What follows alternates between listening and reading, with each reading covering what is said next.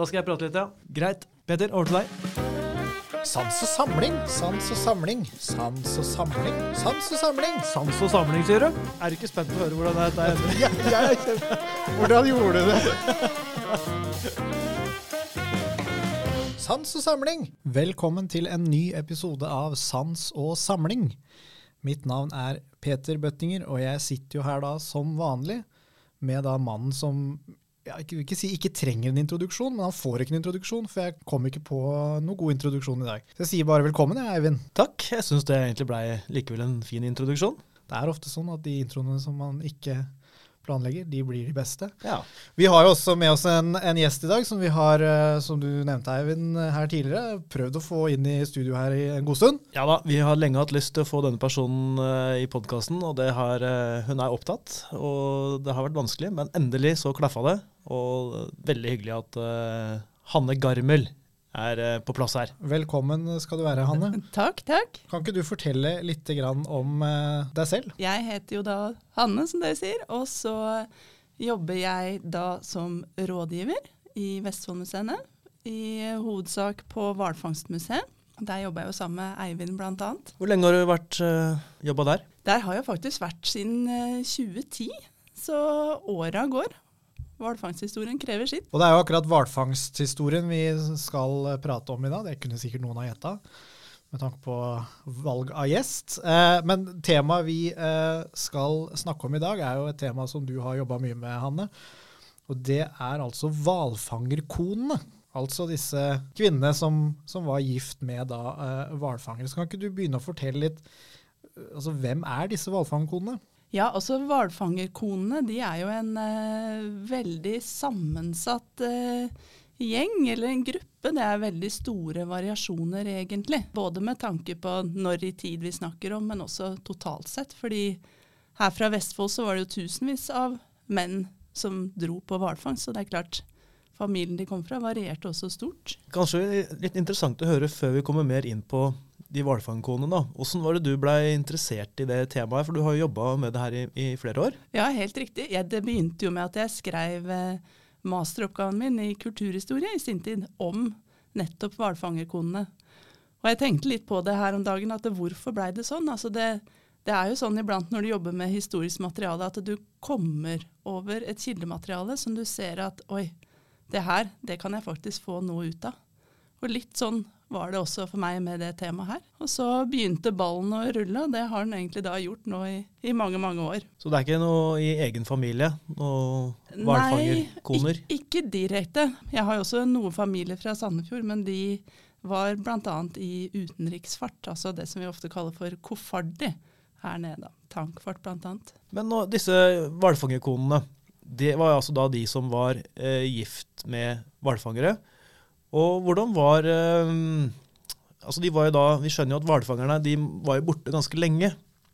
Når eh, Kan du si litt om når på året når, de, når dro de, og ja, hvordan tilværelsen forandra seg for eh, familiene som da ble igjen hjemme?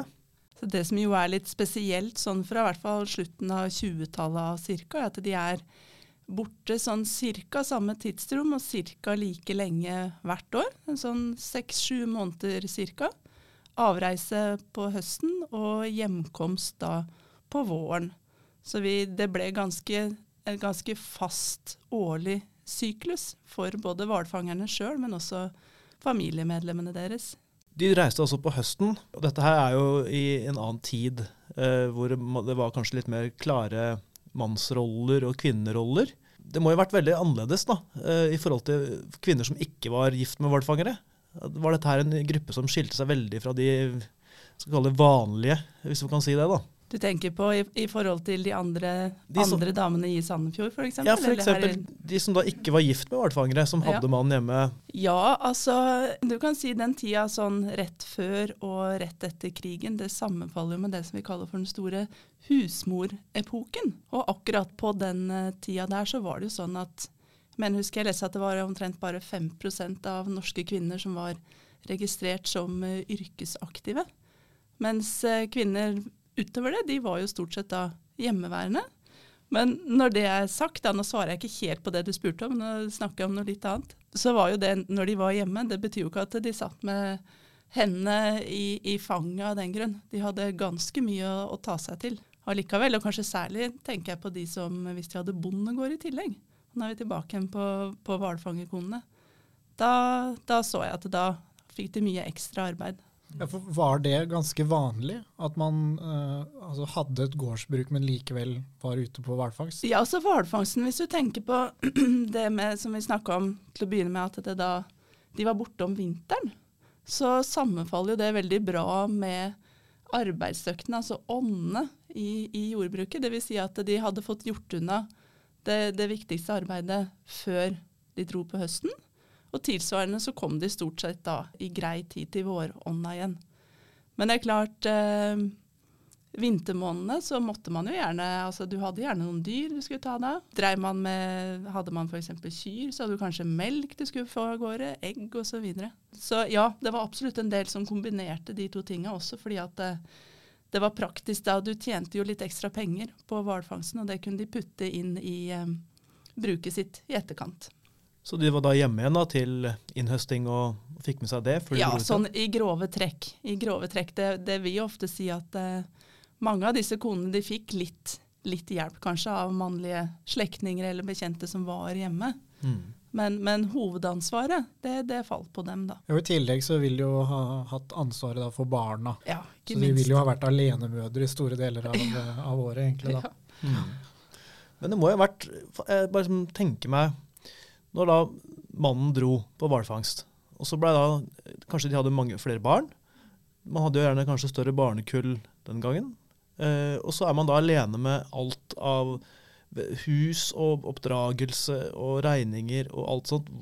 Hvordan på en måte takla de dette her, og var det noen form for uh, hjelp å få? Ja, så Mange av dem hadde jo da hadde jo familiemedlemmer, selvfølgelig. Men det var jo også de som ikke hadde det. Særlig det var jo en del kvinner som, eh, som kom Altså vi hadde en del kvinner som hadde gifta seg med hvalfangere i, i utlandet. Det vet jo du litt mer om også, Eivind. De som bl.a.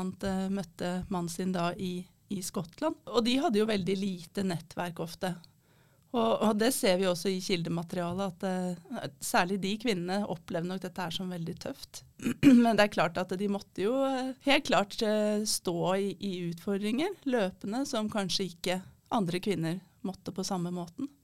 Men jeg tror at noe av nøkkelen til å skjønne hvordan dette kunne gå, det, det, en del av kvinnene de sier at ja, men det var vanlig her i Vestfold. Og så ramsa de opp mødre og bestemødre og oldemødre som også hadde vært, om ikke hvalfangerkoner, så i hvert fall sjømannskoner.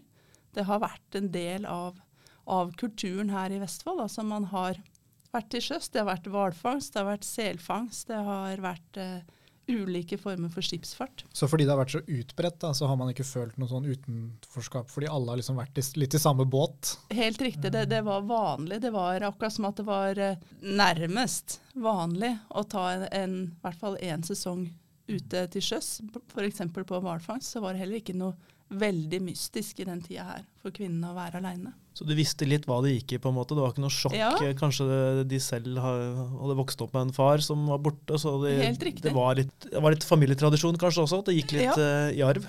Jeg får litt sånn inntrykk av det. at Når, du, når vi snakker om Vestfold liksom 30-tallet Hvis du gikk i Sandefjordsgatene en vinterdag i, på 30-tallet og du så en mann mm. Det var litt sånn Hvorfor er ikke du på jobb, da? Mm. Helt riktig. Det, det, og det var jo litt sånn. altså Satt litt på spissen, så var det jo eh, ganske kvinnedominert. Men det er klart det var jo noen, og det er jo, det er jo mye å si om det. Men, men, det er klart, i perioder så var det helt klart eh, mange menn som var borte på en gang. ja. Men de må ha blitt veldig selvstendige, da, de konene her. At de på en måte lærer seg å ordne mye sjøl. Ja, og, og, når jeg tenker på alle disse damene som jeg da har vært ute og intervjua eh, i arbeidet med den masteroppgaven jeg skrev, så, så sier de jo det sjøl også. Altså at eh, Jeg husker en eh, ei dame jeg snakka med, hun fortalte om at eh, når jeg spurte henne om dette her, altså hvordan For hun var ung, og de fikk barn tidlig, og ja. Og så, så sier hun jo det at ja, men jeg, jeg, måtte jo bare. Jeg hadde jo ikke noe valg. Og så husker jeg hun sa at men det hendte ofte når ungene hadde lagt seg, så gikk hun inn på badet og gråt litt for seg sjøl, for hun syntes det var så, var så tøft. Ja. Vi må huske på at det var en tid hvor de kunne ikke Ikke kunne de sende en melding, ikke kunne de ta en prat på FaceTime. Altså Det var jo ikke muligheten for å ha så god kontakt som vi har i dag. Nei, for Hadde de noe særlig kontakt med mannen sin i det hele tatt, eller hvordan var det? Altså den, den viktigste kommunikasjonsformen her var jo faktisk brev. Og det var jo, eh, Postgangen var jo langsom. De hadde også muligheter for å sende telegram som fra jeg mener, husker er 26. Men eh, litt avhengig av hva slags telegram du skulle sende, så kosta det en del penger. Mm. Så det gjorde det stort sett bare ved spesielle anledninger. Kanskje høytider, eller hvis det hadde skjedd noe hjemme. F.eks. hvis de hadde fått barn. Ja, da, da var det telegram ned til feltet. Ja, og, Ja. og grunnen til at jeg, jeg sa det, det er for at det er også noe av det som var spesielt for disse hvalfangerkonene. Eh, eller hvalfangerfamiliene, for de fikk jo gjerne eh, Altså, i og med det var ganske faste sykluser, ikke sant, så ble jo også da barna født nokså på, på samme tida av året. Den såkalte fødselssesongen, som blir da i sånn ca. februar-mars måned. Sånn omtrent ni måneder etter at hvalfangerne kom hjem igjen. Det var mange barnebursdager eh, som ble arrangert i februar. med andre ord. Jeg skulle ville tro det, ja. Ja.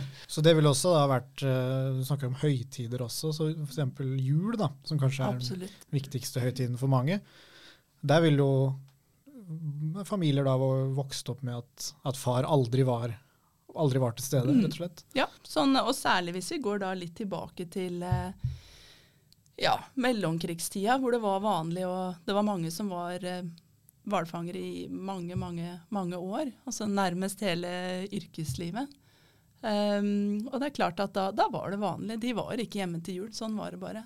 Og da sier jo mange av de konene som jeg snakka med også, at det var når jeg, når jeg ba dem om å si hva de syntes var verst med den måten å leve på, så sier jo mange at nettopp det der med jula, det var, det var tøft. Da savna de han fælt. Og så er det mange fine eksempler på at de brukte bamser og sånn for å greie å gå rundt eh, juletreet likevel. Altså at de, siden de mangla litt mannfolk i ringen rundt treet, så supplerte de med litt bamser og dokker og sånne ting. Ja, Det er ikke så rart å forstå det, for det er jo, jul er jo gjerne for mange da, den store familietida. At det er et ekstra savn da, er jo ikke så rart. Nei, det Nei. ser vi jo enda i dag. altså De som savner noen, skulle jeg til å si. De, det er jo ofte jul er den verste, Ja. verste perioden. Men ordentlig jul skulle det bli, så de sørga for at det var eh, som vanlig at uh, selv om mannen ikke var der, så ble det fullverdig jul. Ja. Absolutt. Og jeg tenker at det, det henger jo også litt sammen med det som vi snakka om til, til å begynne med, med at det når på året de var borte. Fordi at en del av de kvinnene som jeg snakka med, de sa også at det var av betydning at det var om vinteren de var borte. Og da ikke bare med tanke på jordbruk, som vi snakka om, men også i forhold til at vinteren, det var jo en tid hvor man var mer inne. Det var ikke så mye som skjedde, ikke så mye, ikke så mye sosialt, rett og slett. da.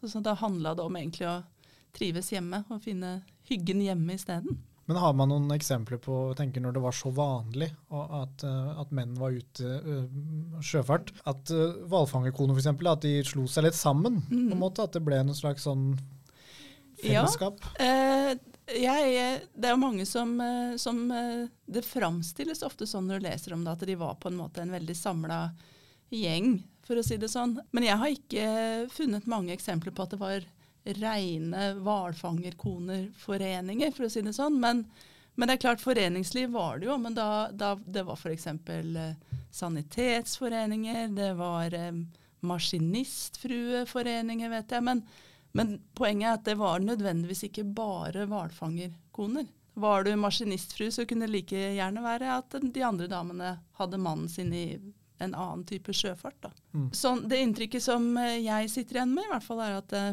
generelt så, så var poenget det at man var hjemmeværende kone med en mann som var til sjøs.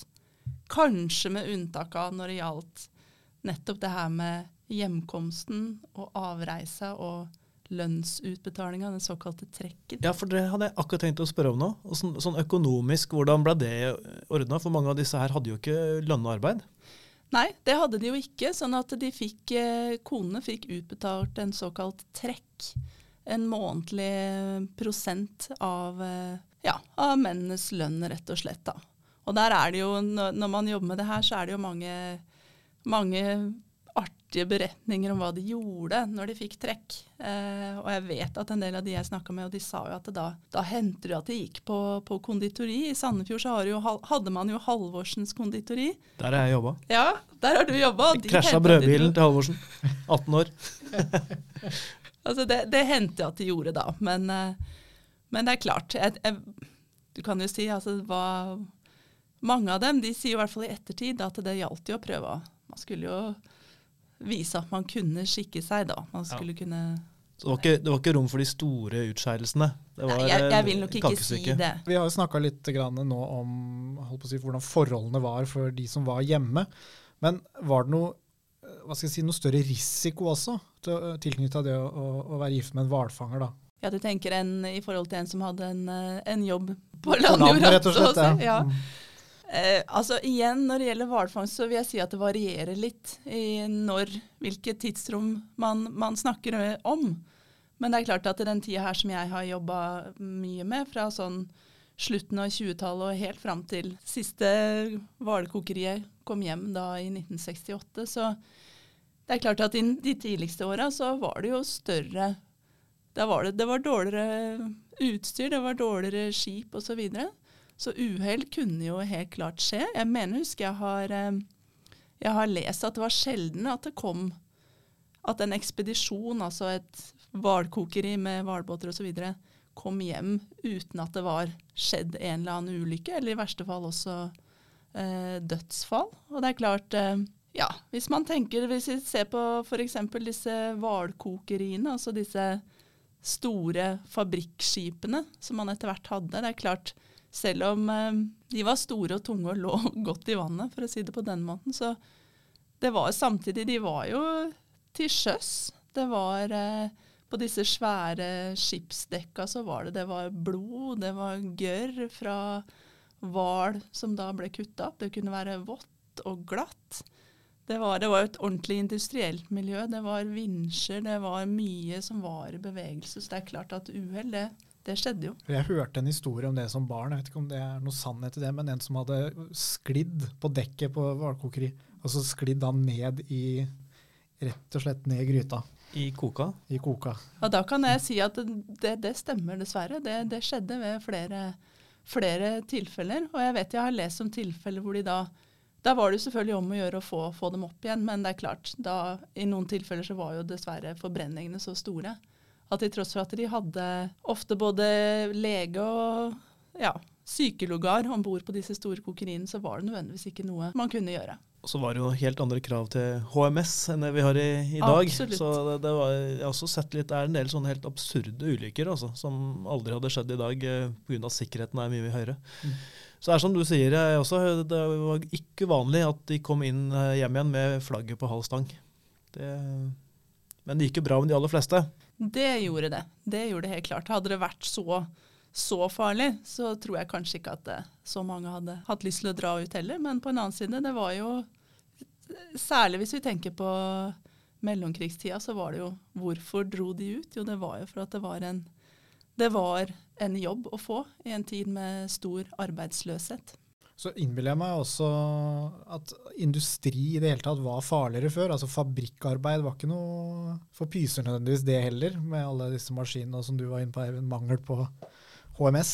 Ja. ja. Du er jo verneombud, Hanne. Det er, ja. sikkert, eh, det er, ikke sikkert, du hadde godkjent alt det som foregikk eh, den gangen. Altså. Nei, nei, nei. nei jeg tror det er mye av eh, altså, arbeidsforholdene på hvalfangst. De var jo til tider tøffe. Det var eh, mye arbeid og i perioder lite hvile. Og jeg tenker på når vi snakker om, eh, om konene her også, så, så, vet vi jo det, det, Fra de jeg har snakka med, så vet jeg at de fortalte det at eh, når de da sendte telegram, f.eks.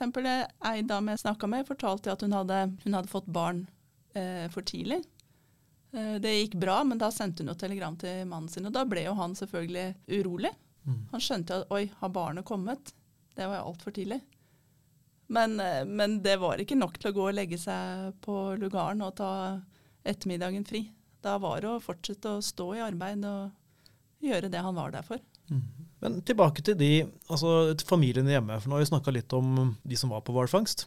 Når på en måte vinteren eh, gikk sin gang, og det nærma seg vår, og tida for eh, at hvalfangerne skulle komme hjem, eh, nærma seg, da. hvordan starta forberedelsene hjemme for familien da, til, eh, for å ta imot pappa og mannen sin? Ja, altså det, det morsomme, Hvis vi snakker sånn generelt altså det er klart På, på gårdene så hadde jo de gjerne sine, sitt arbeid som måtte gjøres, men generelt så, så forteller de disse konene om at da skulle det vaskes, og det skulle bakes, og det skulle gjøres rent både høyt og lavt. Og jeg husker jeg spurte noen av de yngre eh, kvinnene jeg snakka med, eh, om, om, hvorfor det var sånn. Og igjen så svarer hun at ja, men nei, altså de, de gleda seg sånn, da. Så bare for å holde seg nærmest eh, beskjeftiga med noe, så, så, likte de det. Og igjen så svarer mange av dem at ja, men sånn, sånn var det. Det, altså, det var en del av denne kulturen som de levde i. Altså det var en del av det de var vant med, at når tida for hjemkomst nærma seg, da forberedte man seg til det. Men kanskje også litt også for, eh, hvis jeg skal gjette, da, å vise litt at her eh, ja. vi har klart oss bra. Her ting ja, ja. er på stell. At vi, vi får det her hjemme også. Ja, helt riktig. Eh, Hanne, jeg vet jo at eh, når, når hvalfangerne kommer hjem, så eh, har vi jo en utstilling på Hvalfangstmuseet hvor vi ser litt dette her at eh, høre historien om hvordan de gleda seg til å få tilbake mannen sin og barna og pappaen sin og sånn. Men i tillegg så var det ikke også sånn at de gjerne hadde med seg noe spennende og ting som man ikke så, lett fikk tak i her hjemme i Norge. Det, kan du fortelle litt om det? Ja, det stemmer absolutt. Og så må vi også huske på at uh, i i perioder var stor vareknapphet eh, her i Norge. Altså det var Mange av de tinga vi tar for gitt i dag, det fikk man rett og slett eh, ikke kjøpt. Altså det var, etter krigen var det også eh, rasjoneringer på mange vanlige forbruksvarer. Så jo da, da var det veldig fint å ha en mann som hadde vært på hvalfangst. Og særlig hvis du da hadde en mann som hadde hatt muligheten til å vært innom kanskje i Sør-Afrika eller også på Kanariøyene på vei opp, for da kunne de få med seg mye fint hjem. Hva var det som var eh, øverst på ønskelista da? For eh, hvalfangerdøtrene så var det bl.a. en helt spesiell type stor dokke. En såkalt Las Palmas-dokke, en gådokke. Det ville veldig, veldig mange av dem gjerne ha. De har vi jo også da stilt ut på Hvalfangstmuseet. Det må vi skyte inn der. Og de er litt uh, tøffe, for som du sier, jeg har sett noen klipp av de hvor de går av seg sjøl.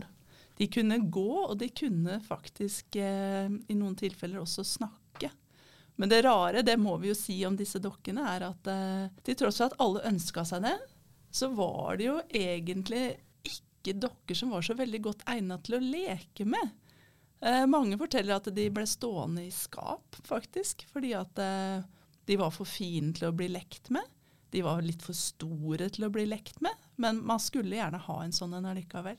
Guttene, da? Hva, fikk, eh, hva var det som eh, Eller sønnene, da? Hva var det de eh, håpa på at pappa hadde med seg? Altså, det var jo leker i, i vid forstand. Altså, det var også et knapphetsgode, i, særlig hvis vi tenker nå etter krigen, på leker i Norge. I utstillinga på Hvalfangstmuseet så har vi bl.a. noen små biler. Mm. Men ikke minst også så var det matvarene kanskje hele familien så fram til. Det var eh, bananklaser. Det er jo litt rart for oss å tenke på i dag, men det var heller ikke lett å få tak i.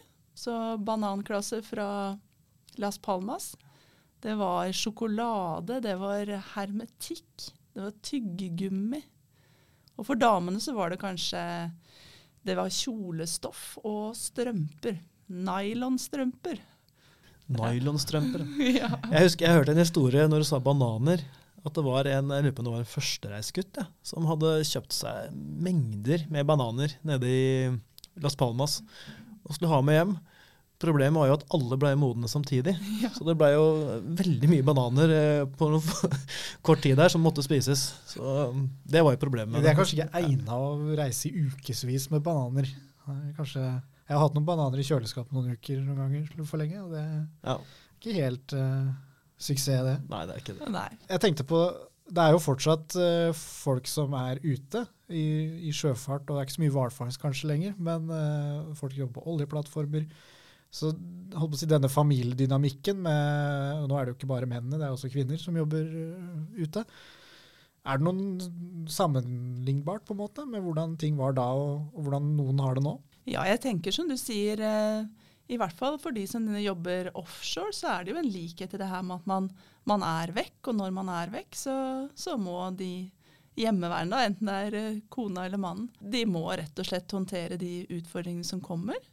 Men, men kanskje litt også i forhold til um, mange av de hvalfangkonene, de, eh, de fortalte jo at det, ble en De opplevde at de fikk en, eh, en spesiell kontakt med ungene.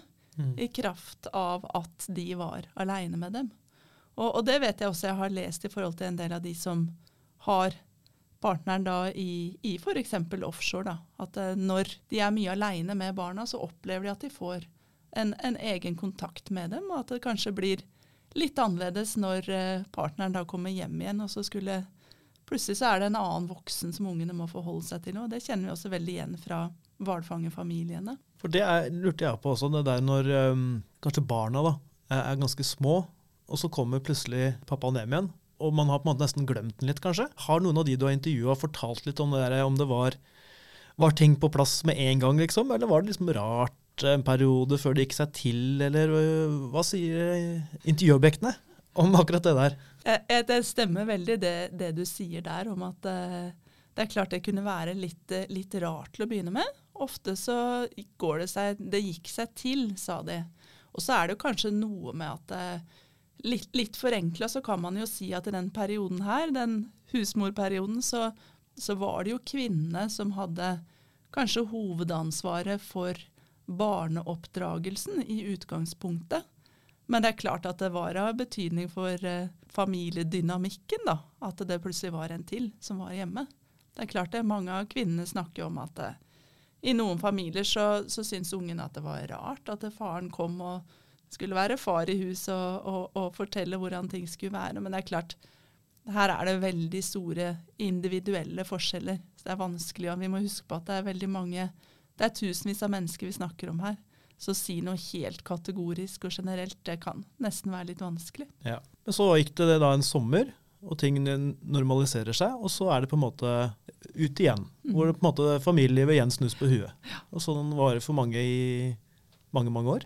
Sånn var det jo for mange i, lange tider. Eh, jeg har gjerne lyst til også å nevne i den sammenhengen da at eh, det var jo noen eksempler på at dette at det ble annerledes, at denne syklusen da, mellom måneder med og uten mennene ble, ble brutt. Og da tenker jeg særlig på dette med andre verdenskrig. Det er også et tema som både du og jeg har jobba en del med, Eivind. Og når det gjelder for hvalfangerkonene da, så opplevde en del noen vanskelige år. Fordi eh, det som skjedde da ved inngangen til andre verdenskrig, at det var jo mange av hvalfangerne som hadde reist ut som vanlig høsten 1939.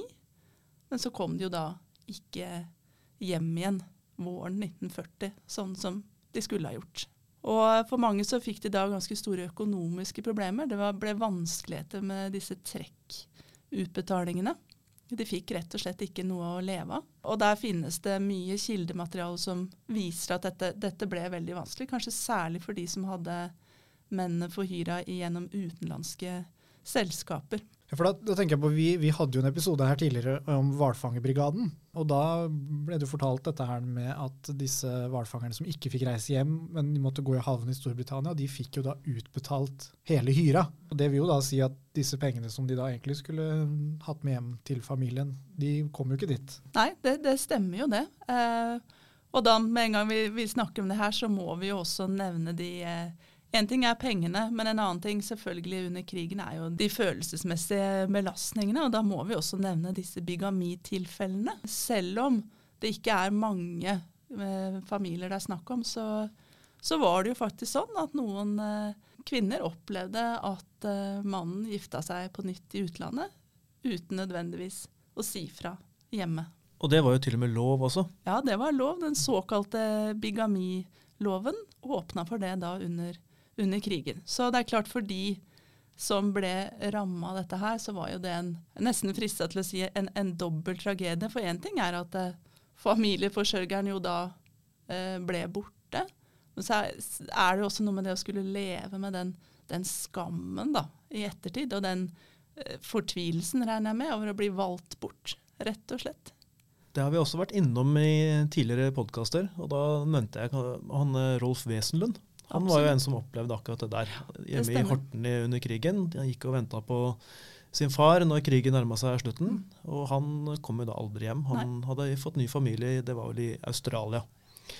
Og han sa jo det i et NRK-intervju, Rolf Wesenlund, at det, det knakk jo moren hans fullstendig. Hun blei aldri den samme etterpå. Og det, man kan nesten sammenligne litt med den uh, behandlinga krigsseilerne fikk. Ja, At det er det. de fikk jo ikke noe støtte eller noe hjelp, eller de, de som ble ramma av den der eh, bigamiloven der. Det var eh, Det er litt sånn skambelagt eh, i norsk historie, det der, altså. Ja, og særlig som vi snakka om innledningsvis også, den, den eh, rollen sånn som samfunnet var bygd opp på den tida der. At det var, det var mannen som var den eh, primære lønnsmottakeren. Altså han var familieforsørgeren. Vi kan jo bare forestille oss selv da, eller kan vi egentlig det? Jeg syns nesten det er vanskelig å sette meg inn i det. Hvordan det må ha vært.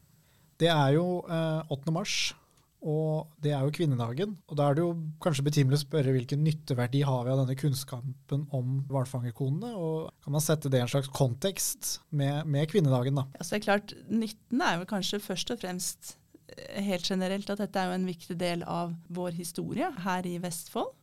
Eh, men det er klart kanskje man kan eh, ta det litt til inspirasjon også. At dette er jo historien om eh, kvinner som Ja, de, de, de, det er utrolig hva de greide. De sto i utfordringen. De fikk dagene til å gå allikevel. Men det er klart, hvis vi tenker på kvinnesak fra de siste ti åra, kanskje, særlig fra 1970-tallet av, altså vi tenker kanskje særlig på, i hvert fall gjør jeg det selv, på eh, demonstrasjonstog osv., så, videre, så så var ikke det noe jeg fant i materialet når jeg jobba med, med hvalfangerkonene.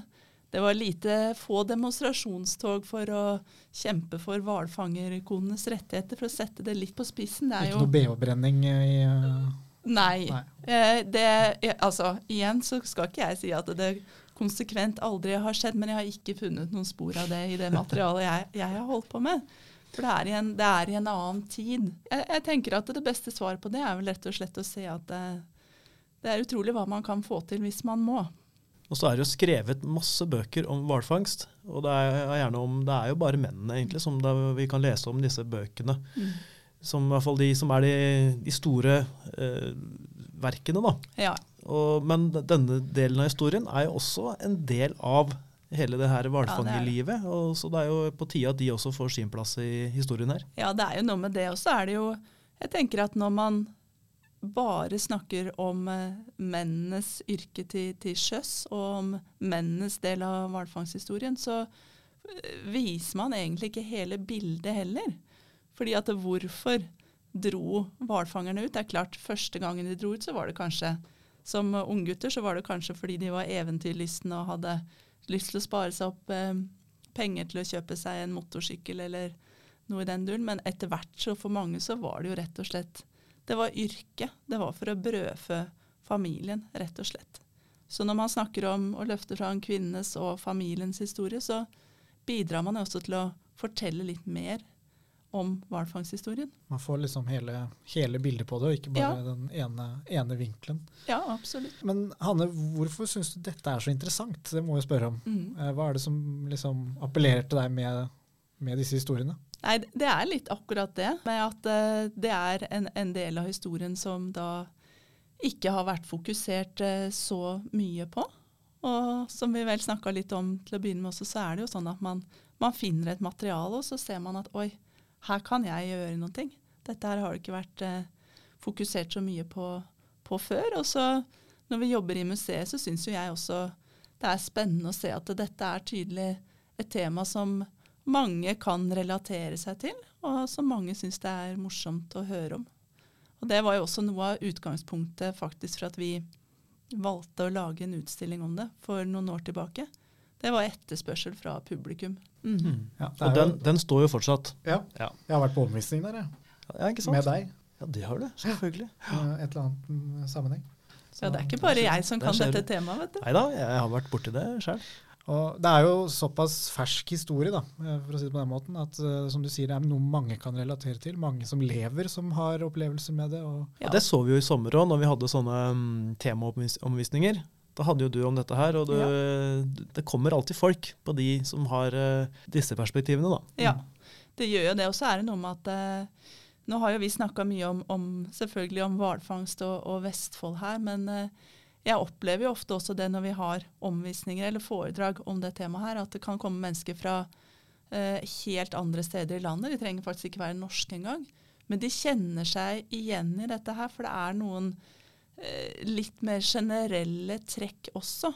Eh, som man kan se langt tilbake i tid òg. Det er noe med sjømannskonene her. Eh, noe generelt i det med at mennene er vekk, og de må, de må greie seg sjøl, mer eller mindre. Som mange kan relatere seg til. Hadde du godtatt å være hvalfangerkone, Hanne? Altså, I dag så er det jo vanskelig å svare på det av, av flere, flere, grunner. Kanskje mest av alt fordi at de historiske rammene er så annerledes. En ting er at vi har jo ikke hvalfangst lenger heller, men så har jo også vi er jo ute av denne husmorperioden. altså Kvinner i dag har jo helt andre muligheter. Så jeg tror jeg må svare både ja og nei. Hadde jeg levd i den tida der, så hadde man sikkert syntes at det var, eh, var greit. For da tror jeg man ville vært fornøyd med at man hadde en jobb. Eh, men i dag så må jeg nok eh, si at jeg er glad for at ikke jeg lever på den måten, i hvert fall. Hva med deg, Eivind? Om jeg hadde godtatt å være hvalfangerkone? Eh, ja, du kan svare på det først. Eh, men eh, tenkte mer på å reise ut, være borte fra familien i syv måneder. Eh, fange hval. Jeg, jeg må jo si som Hanne, da. Hvis jeg hadde levd eh, på 50-tallet, så kan nok hende jeg hadde hatt lyst til å prøve det. Eh, men at det hadde blitt en sånn der karrierevei eh, For det- ser veldig ser ut som det er hardt. Det er, mye, det er for mye slit. Du tenker mer å ha det som hobby? Ha det sånn testet ut. Eh, kan si Jeg kan krysse av og si jeg har prøvd det. Jeg har vært på hvalfangst. Ja. Og så kanskje finne på noe annet. Hva med deg, Peter? Er du, har du hvalfanger i det? Jeg har ikke så mye hvalfanger i meg, tror jeg. altså. Nei. Jeg har ikke det. Jeg har ikke så mye hvalfangere i familien heller. Nei, det har ikke jeg heller. Selv om mye vestfoldinger. Lite hvalfangere. Jeg tror nok jeg hadde savna nå, er jeg på en måte, Det er jo en annen tid, da. ikke sant? Og fedrerollen er jo litt annerledes i dag. hvor eh, man har kanskje, Fedre har et nærere forhold til barna sine enn det man hadde før. Så jeg har jo tre barn. Jeg tror det hadde vært veldig tungt. Og plutselig nå skal jeg være borte i syv måneder. altså det, Jeg har jo ikke barn, ja, jeg men jeg er jo innmari glad i å være hjemme. Så å være borte i syv måneder altså, Syv timer, det er greit, liksom. Så nå tror jeg jeg skal begynne å tenke på å komme meg hjem når vi først er inne på Ja, det. Så jeg tror nesten vi må runde av her. jeg, Ja, men du, Vi snakka jo om det den jule, altså det du er glad i å være hjemme. ja, Når du fortalte at du, du liker å kose deg og pynte og ha juletre i november, Juletre og du er hjemmekjær, så jeg tror det hadde vært vanskelig for deg, rett og slett, på hvalfangst. Kan jo nevne, Eivind, når du ringte meg 2. eller 3. januar, første du sa, har du tatt ned juletreet, eller? Det var jo sikkert hadde du det? Nei, jeg hadde ikke det allerede da. Men så sa Eivind, det burde du, for du har jo hatt det oppe siden midten av november. Yes, Nei, men Nei, er, eh, nå er vi på sida. Nå er vi på sida. Og Hanne, tusen takk for at du kom og fortalte mer om, eh, om eh, hvalfangkonene. Selv takk. Og Eivind, alltid hyggelig. I like måte, Petter. Noen ganger hyggeligere enn andre. I dag var en av de I dagene. dag var det veldig hyggelig. Vi høres. Takk for nå. Ha det bra. Sans og samling er en podkast fra Vestfoldmuseene. Denne episoden er laget av Susann Melleby, Jon Anders Øyre Bjerva, Eivind Thorsen og jeg, Peter Bøtling. Ønsker du å kontakte oss? Send en e-post til kommunikasjon krøllalfa vestfoldmuseene.no. Sans og samling!